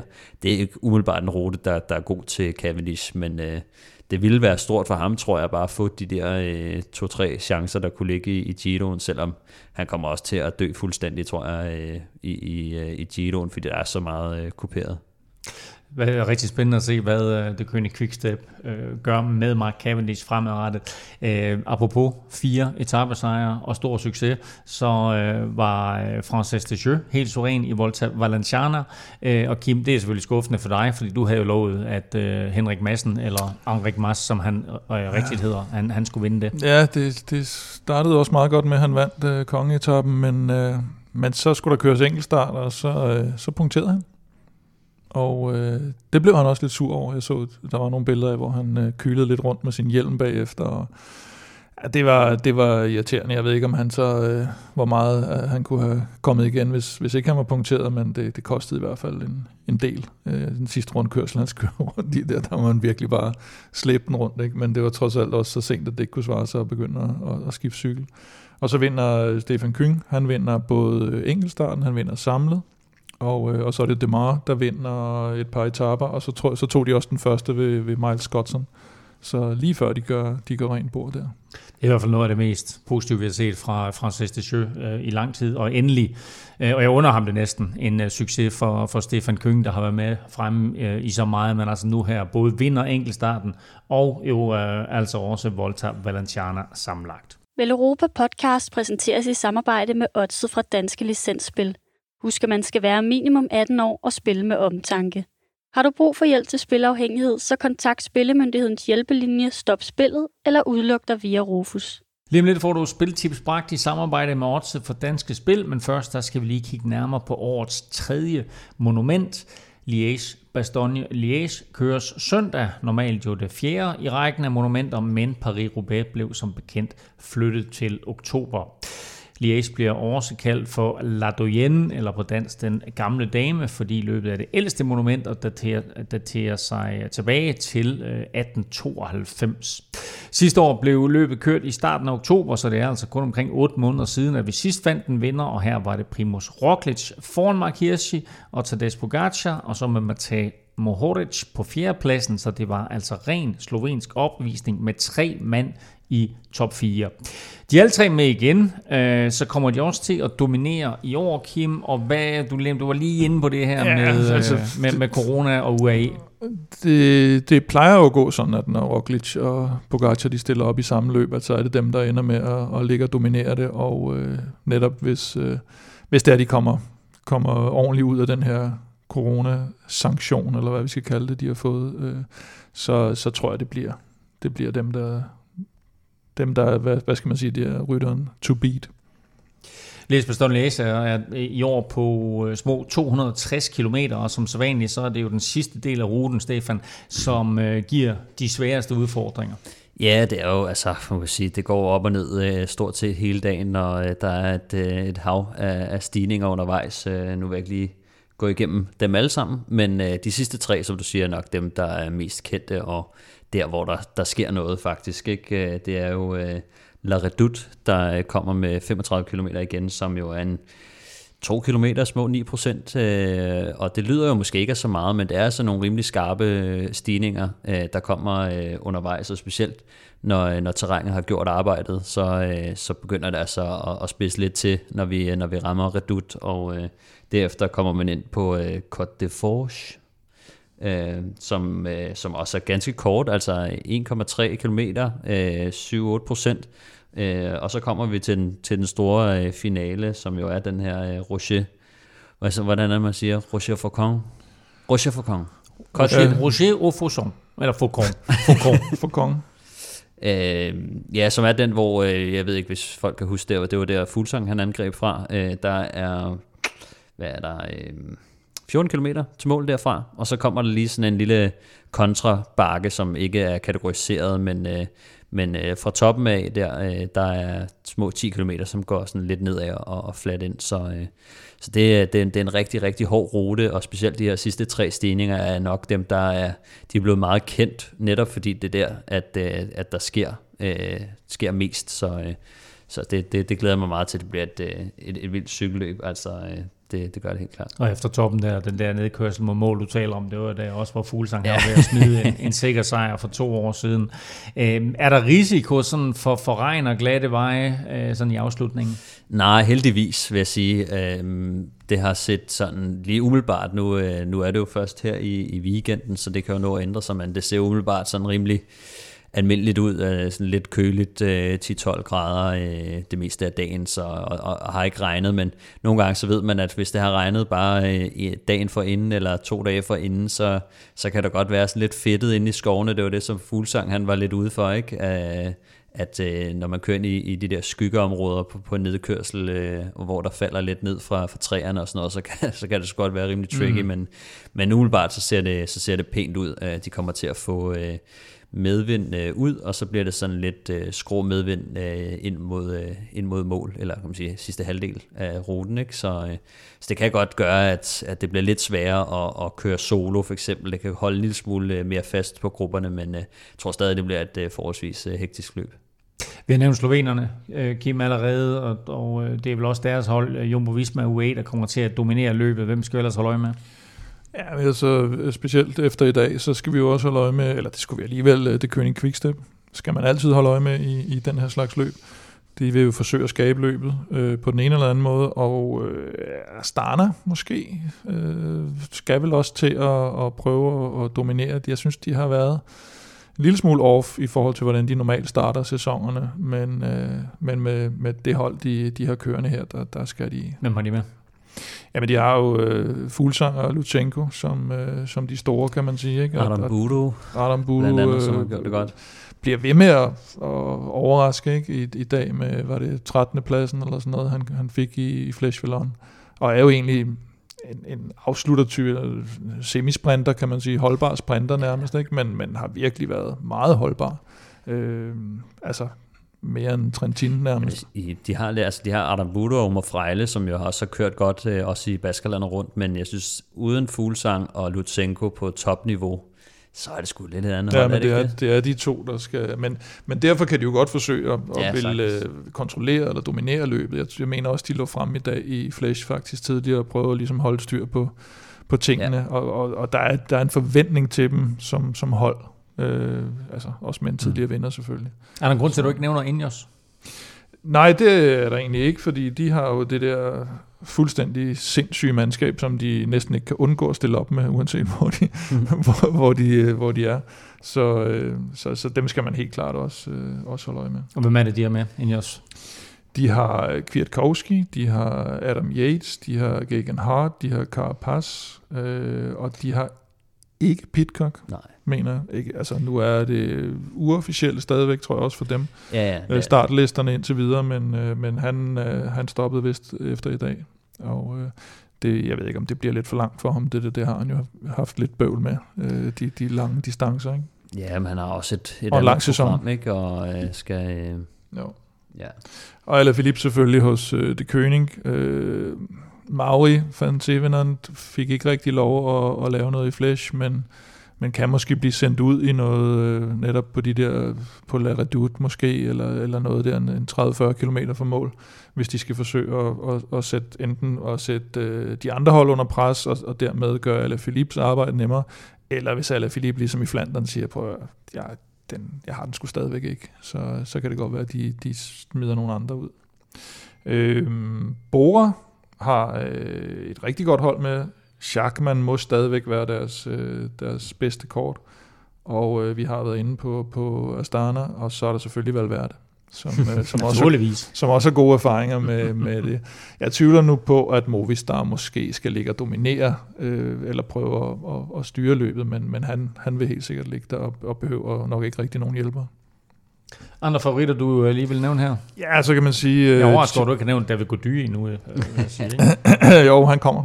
Ham kan vi godt nævne. Nej, altså også, øh, hvad hedder det, Chavez og Michael Woods kørte øh, noget top 10 i dag i, i, i hvad hedder det, i Flash, og uh, Michael Matthews blev faktisk fire i uh, Liège i 2017. Man tænker jo sådan, det er ikke et løb, ja. der passer til ham, men uh, alt efter hvordan det bliver kørt, så, så kan det måske godt. Og netop med nu, hvor de har lavet afslutningen om, jeg mener i 17, da han kører fjerdepladsen hjem, der er det jo med den der stigning op ind i Liège. Altså de slutter med en stigning. Mm. Det gør de jo ikke engang mere, så, så måske han har en chance. Dan Martin mener har vundet det før, øh, Liège, så vidt jeg husker. Ja, det må han have, ikke?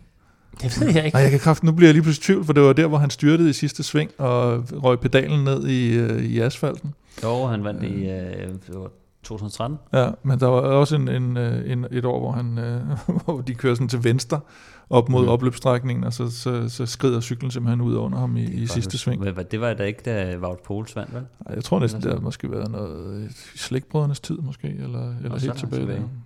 Og, øh, men Poels, som du siger, øh, Bahrain Victorious, som jeg havde lidt øh, fidus til i Amstel. Må se, om de kan gøre det bedre her. Mohoric, Pols, Tøns. Øh, på papiret burde de, men øh, de har ikke rigtig fået, fået det til at, at spille. Øh, og så hvis man skal finde på nogle outsiders, så vil jeg sige øh, Cosnefroy, og så måske endda Simon Carr fra EF, som oh, ja. vi ikke har hørt så meget til, men som har vist noget potentiale. Pierre Latour er også med. Det er også ved at være Pierre Latour har set skarp ud. Cosnefroy skuffet måske lidt i dag ja. i, i Flash, ikke? Men, øh, men, men, men Pierre Latour der, altså hvis, øh, hvis han kan komme med... Øh, altså, du synes, han har set skarp ud? Ja, i år. Nå, okay. Jeg synes egentlig, han har været lidt øh, Nej, jeg synes, jeg, jeg synes, han har vist så, vist så ja. fint frem og været, altså, været med frem hvis han er i form, så, øh, så burde han jo øh, så burde han godt kunne øh, brænde et, et okay resultat af. Kim har allerede nævnt uh, Fuglsang selvfølgelig. Uh, hvem er de øvrige danskere, vi skal holde øje med, Stefan?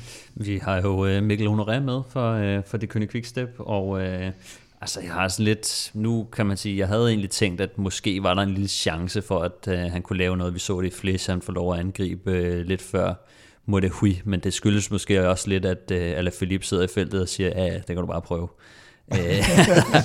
det, Nå, men altså, også så han bare kan sidde der, ikke? Og, og, ja, altså, og ja, det, lidt det gør ham sgu nok ikke så meget, at der er nogen, der prøver der.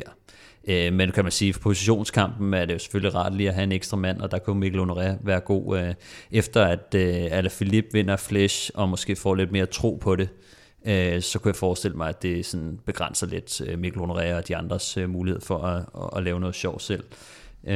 men Jonas Vingård kommer også med, og han har jo lidt fået den her, kan man sige, løjtnantrollen for, øh, for øh, Roglic, som jo også øh, er rigtig godt kørende, og øh, nu må vi se, om Jonas han får lov at lave noget. Jeg synes, vi så det lidt i Amstel, at øh, han prøvede lidt at køre med i de der øh, lidt tidligere angreb med, med, med de andre øh, sådan mindre favoritter, men øh, han, han var alligevel rimelig godt kørende, og man kunne se, at øh, både Sam Omen og Racing øh, og de andre, de, de blev altså sat op og føre, øh, før øh, Jonas, han ville altså gerne gemme lidt, så, øh, så det, det kunne blive et rigtig spændende løb for Jonas. Øh, nu havde han godt nok ikke lige benene i, øh, i flash her, men øh, det kan også skyldes noget positionskamp og en masse andre ting, der gør, at han blev lukket lidt ude.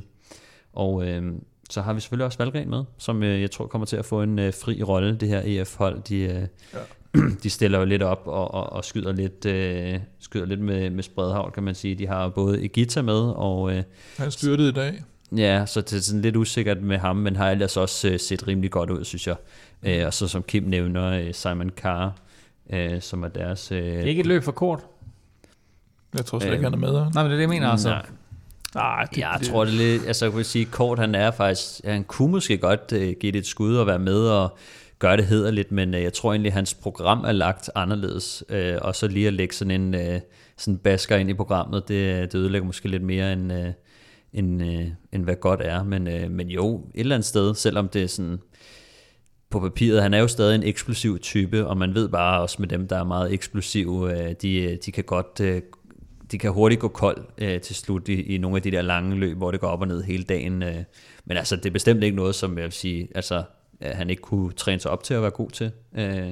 Men umiddelbart, så, så tror jeg, at det ligger bedre, bedre til Valgren, og jeg, jeg glæder mig virkelig til at se Valgren i det, men det er, hvad vi ved so far, så som, ja, fordi, som Kim sagde tidligere, så, så er det ikke officielle lister, vi har. Vi har forløbige lister, Øh, og de kan jo ret, øh, ret i det helt op til øh, lørdag, havde han mm. sagt. Så.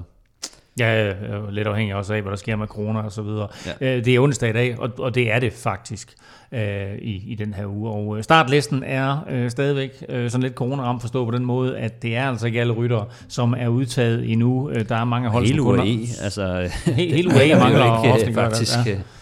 Uh, men det betyder også altså, at der vil komme nogle rytter ind uh, i løbet, som vi ikke har talt om her, og altså vi kan også godt få en dansk eller to mere med uh, i Liège Bastogne Liège.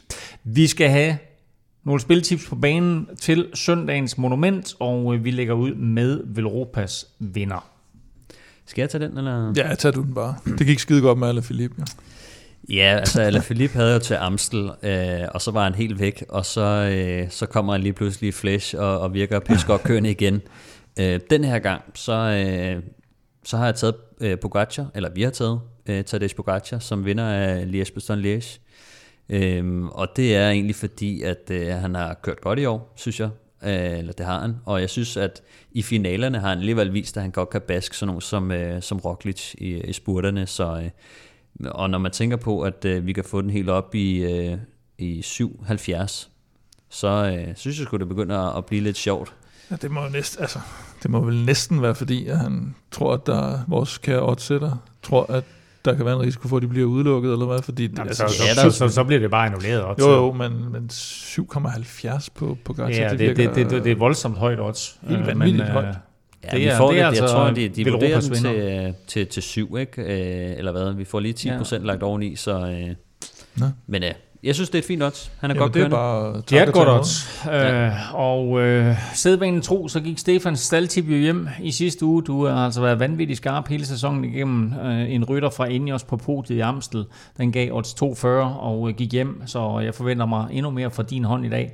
Ja, men jeg er begyndt at blive lidt forelsket i de der øh, hold-odds, hvor man ligesom kan gardere sig lidt ind. Øh, det er jo lidt svært at odds på cykling nogle gange, men, øh, men jeg synes, det, nu er det gået meget godt. Øh, og jeg tror, jeg fortsætter lidt i samme spor. Og øh, jeg har lidt set mig varm på øh, Bora Hansgrohe her i Liège Bastogne Liège.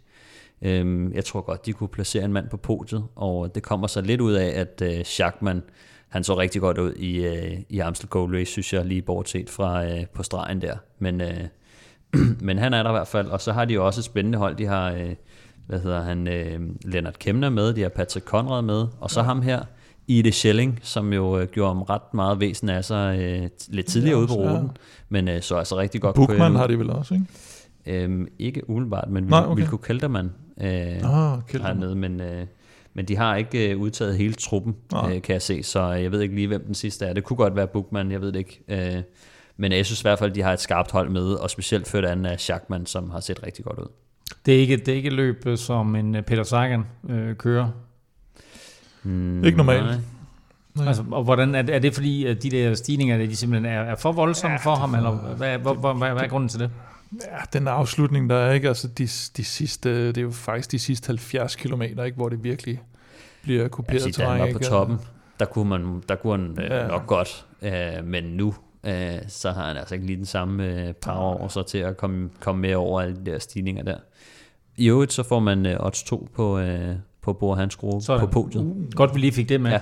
Ja. Øh, og Plæsters podie i den her uge øh, går jo også i den retning, nemlig med et, et helt hold på podiet. Jamen, det gør det, og det, havde været, det gjorde det også i sidste uge, og det var jo Bahrain Victorious der i, øh, i Amstel, og de var jo med i alt, lige ind til de tre der, de kører. Så, øh, så havde de jo det hele fremme med, med, med var det øh, Tratnik og, Eller 13 nok. og, og de Tratnok, ja, som, som danske spil næsten har skrevet, og, og hvad hedder det, øh, og Kolbrelli og Mohoric, og jeg skal skide Men så da toget kørte, så, så kunne Dylan, Dylan Tøns ikke rigtig, øh, ikke rigtig følge med de, de tre sejre der. Men øh, jeg prøver den igen, og jeg prøver den igen til odds 5,5 På med et andet hold, går jeg ud fra. med et andet hold. ja, det kan sgu være, at jeg skulle have taget dem igen, ikke? når Mohoric han står på podiet der. Ikke? Men øh, en rytter fra Agir Deuxer, Sådan. det er lidt en, øh, en lille frækkert, Ja. men, øh, og jeg er faktisk lidt skuffet over, at det ikke giver mere end 5,5. Jeg synes, og, det er meget og, aftagende. og, og øh, rems lige op for mig, hvem det er, de har med. Jamen, det er jo Kostne Fra, som jo fik en glimrende 18. plads, Ja. ja. i, øh, i, og så har de jo ham her, jeg ikke kan udtale. Øh, par, par, øh, par, par, hvad er det, han hedder? Par, Ja, er mit bud. præcis. Og, øh, og yes, Greg van Avermaet, øh, Dorian Godon. Det er lidt... det er nok øh, ikke dem, øh, og heller ikke Michael Chirelli har sat sig på. nej, Det er nok mest øh, Kostne Fra, der lige skal, skal skabe den overraskelse. Galopin har de også med. Et, øh, et, ja, men øh, egentlig et solidt hold, men og så med ham formentlig, hvor det ikke er den her helt syle spidse afslutning som i Flesh Vallon, men hvor han, man mere kan køre på egentlig bare at være en, en, en fornuftig all-round cykelrytter. Så, øh, så det, det satser jeg på. Der har vi dem altså. De har ikke Bob Jungs, Jungs med, skal vi måske lige sige, og havde det heller ikke i dag. Øh, har en lille smule sådan hjernerystelsessymptomer efter styrtet i, øh, i Amsel, hvor han jo kom Mm. til, lidt tilbage sådan efter at have haft øh, med en rygskade. Så virkelig et, øh, et trist indkøb for dem indtil videre i hvert fald. Men sådan så det altså ud. De her tre spiltips fra Velropa i den her ombæring. Velropas vinder, Tadej Pogacar, vinder Lies Baston Lies, boostet til odds 7,70 vanvids odds. Stefans staldtip, en rytter fra Bor Hans Grohe på podiet, det giver odds 2, og øh, Plesners podie, en rytter fra Asche Deuxer på podiet i Lies Baston Lies, boostet til odds 5,5. Det var spiltips bragt i samarbejde med odds fra Danske Spil. Nu skal vi have fundet vinderen i quizzen. Der er maksimalt 3 point at tjene. Og jeg gav jo muligheden for at vælge enten Flash Vallon eller Lies Baston Liège. I valgte Lies Baston Liège. Spørgsmålet til Flash Vallon, det var, hvilke tre danskere har været på podiet? Ej, I det ville jeg Flash hellere Vallon. have haft så. Så, Det ville jeg også have haft. Kunne I kabe dem alle tre? Nej, Øh, Fuglsang, Ja. Bo Hamburger. Ja, Kim Andersen. og Kim Andersen. Det er fuldstændig korrekt. Du var Kim, 2-1. Kim, Havde Kim, øh, Kim vandt i 1984, mener jeg. Det var på udbrud jo. Det var en af de få Nå, gange, der, der får I lige den ekstra der. Så, så altså to danske vinder, og så uh, Fuglsang ind som uh, nummer to. Men spørgsmålet, som vi skal konkurrere i her, mm.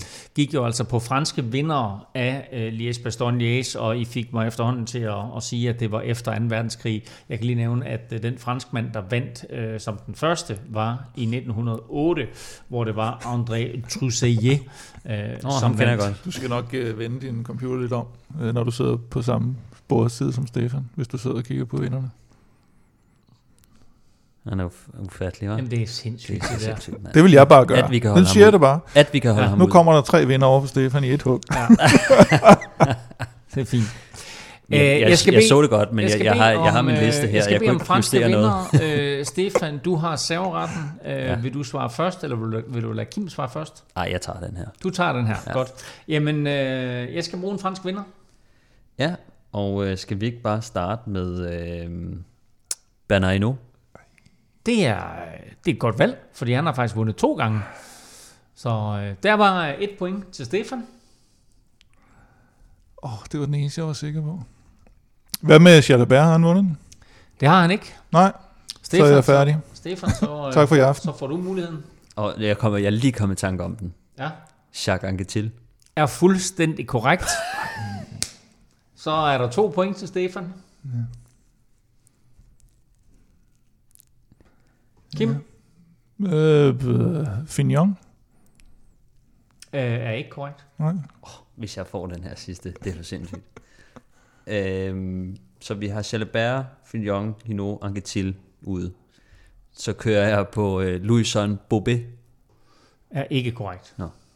Godt. Jamen, at- jeg, jeg var ikke klar over, hvor, hvor skarp I var historisk. Jeg kan godt mærke, at det her det er et navn, som øh, ligger meget, meget langt øh, fra jeres øh, historiske kendskab til, øh, til Baston Liège.